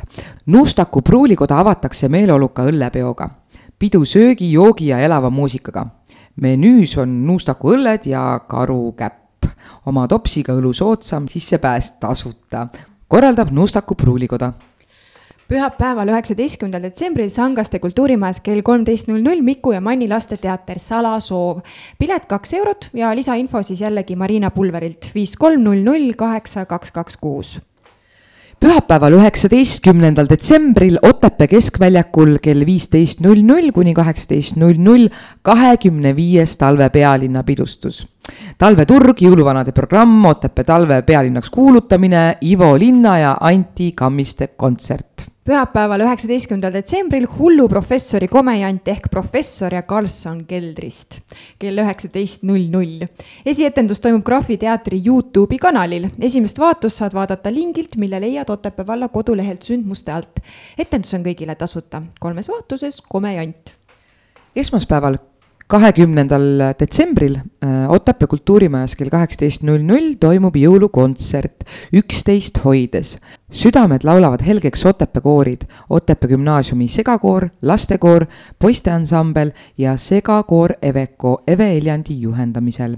tule sinagi sel kaunil jõuluajal nautima ilusate laulude saatel jõulukontserti. sissepääs on muidugi kõigile tasuta. lisainfo Merle Soombergilt viis kuus kuus kaks kuus neli kaheksa üks ja teisipäeval, kahekümne esimesel detsembril kell seitseteist viiskümmend üheksa Otepää kesk, keskväljakul on talve alguse tervitus ja talve tervitab Otepää puhkpilliansambel. kes ei saa kohale tulla, siis on võimalik äh, seda sündmust üle vaadata ka talve pealinn Otepää Facebooki lehel, nii et äh, sündmusi on küll nüüd nädala jooksul nii palju, et. Äh, no aasta lõpus ikka korralikult äh, meel lahutatud ja jalad äh, rakku kõnnitud või tantsitud mm. -hmm. et vaja ikka sammud ka täis saada, siin läheb nagunii suuremaks söömiseks aga kuna meil on kümnes saade, ehk siis võib öelda, et väike juubel, siis ehk esitaks küsimuse tähelepanelikule kuulajale. Vau, vau, vau, seda ei olegi teinud mõnda aega ju. seda ei ole paar saadet olnud ja küsime meie tähelepanelikult kuulajalt, et milline on Veiko Tääri unistuste roll, mida ta tahaks veel mängida? ja loodame, et me saame seda siis äh, kõik ka näha. kui Veiko seda mängib, et minu jaoks on ta tõesti suurepärane näitleja ja tal on ikka väga-väga palju on talle antud ja tal on väga palju ka anda ja mis, mis kõige ägedam selle juures, et ta on ise lihtsalt nii soe inimene, et äh, see on nii suur väärtus selle juures. Ja õigesti vastanute vahel loosime välja siis äh, Vana Baskini teatri piletid. Äh, professor sai värske õhumürgituse, see, kui kõik läheb hästi, siis see etendus on seitseteistkümnendal veebruaril Otepää kultuurimajas. Ja, ja rohkem infot siis saabki Otepää kultuuriruumi Facebooki lehelt kirjutage siis meile tunnike otepaad.gmail.com või siis äh, Facebookis mulle või Merilinile eraldi, mis see vastus on, et milline on Veiko Tääri unistuste roll. aga seniks olge terved ja meil on jäänud aasta lõppu vaid äh, kaks saadet veel, jah? Jah. ja me veel ei ütle, kes, ühes on meil külaline, aga teise saate me teeme Kaidiga kahekesi. saadame teid äh, mõnusasti uuele aastale vastu jah, et kes fännas meie esimest saadet, äh, siis äh, nüüd äh, olete taas tagasi oodatud just, olge mõnusad. ilusat nädala jätku teile. tšau.